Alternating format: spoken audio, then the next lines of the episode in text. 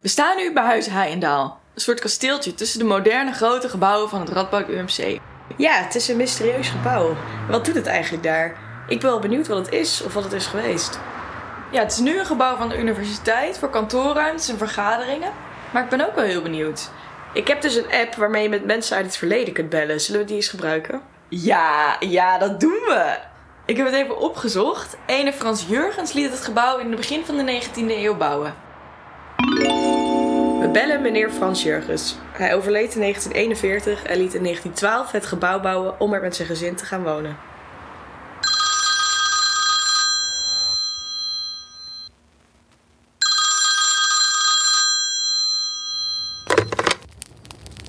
Hallo dames. Wat leuk dat jullie mij telefoneren.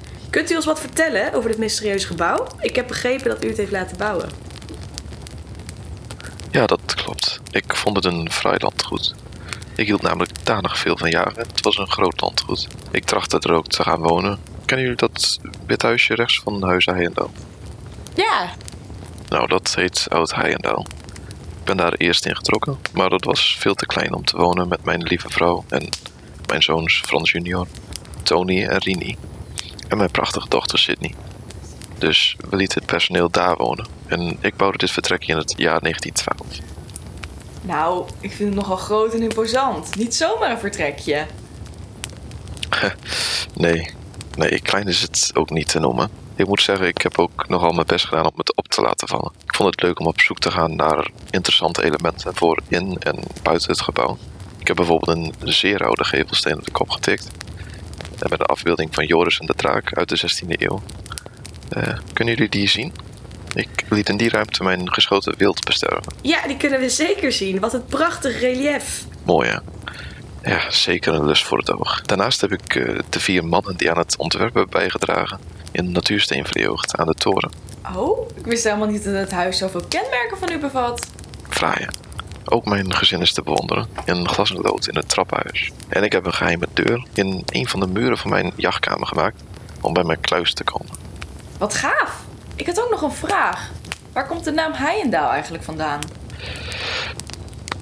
Eh, de naam het Heinsdaal is al bijster oud. Deze is een stuk uit de 17e eeuw opgedoken. In de 18e eeuw is het Heijendaal gaan heten. Dat klinkt wel wat moderner. Ja, modern was hij volgens mij zeker. Weet u dat uw bedrijf een voorloper was van een van het lands grootste bedrijven? Om u even een beeld te geven, Unilever, zoals het nu heet, is het vierde grootste bedrijf van Nederland. Dat, meent u niet.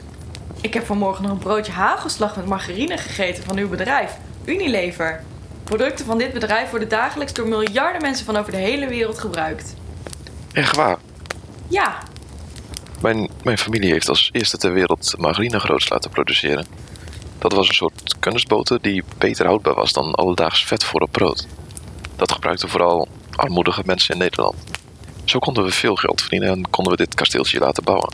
Maar zal ik jullie eens de ware reden vertellen waarom ik dit landgoed heb aangekocht?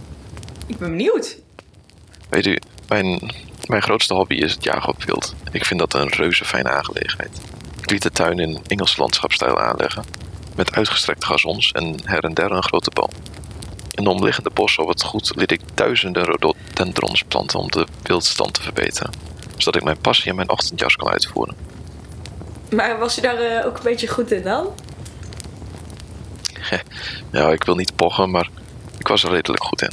Ik heb in 1920 Nederland mogen vertegenwoordigen in het schietsportteam op de Olympische Spelen te Antwerpen. We zijn op de zesde plaats geëindigd. Dat is behoorlijk indrukwekkend, meneer. Ach, weet je, ik, ik deed gewoon wat ik amusant vond. Ehm, ik, ik moet weer door, dames. Mijn geweer is schoonmaken.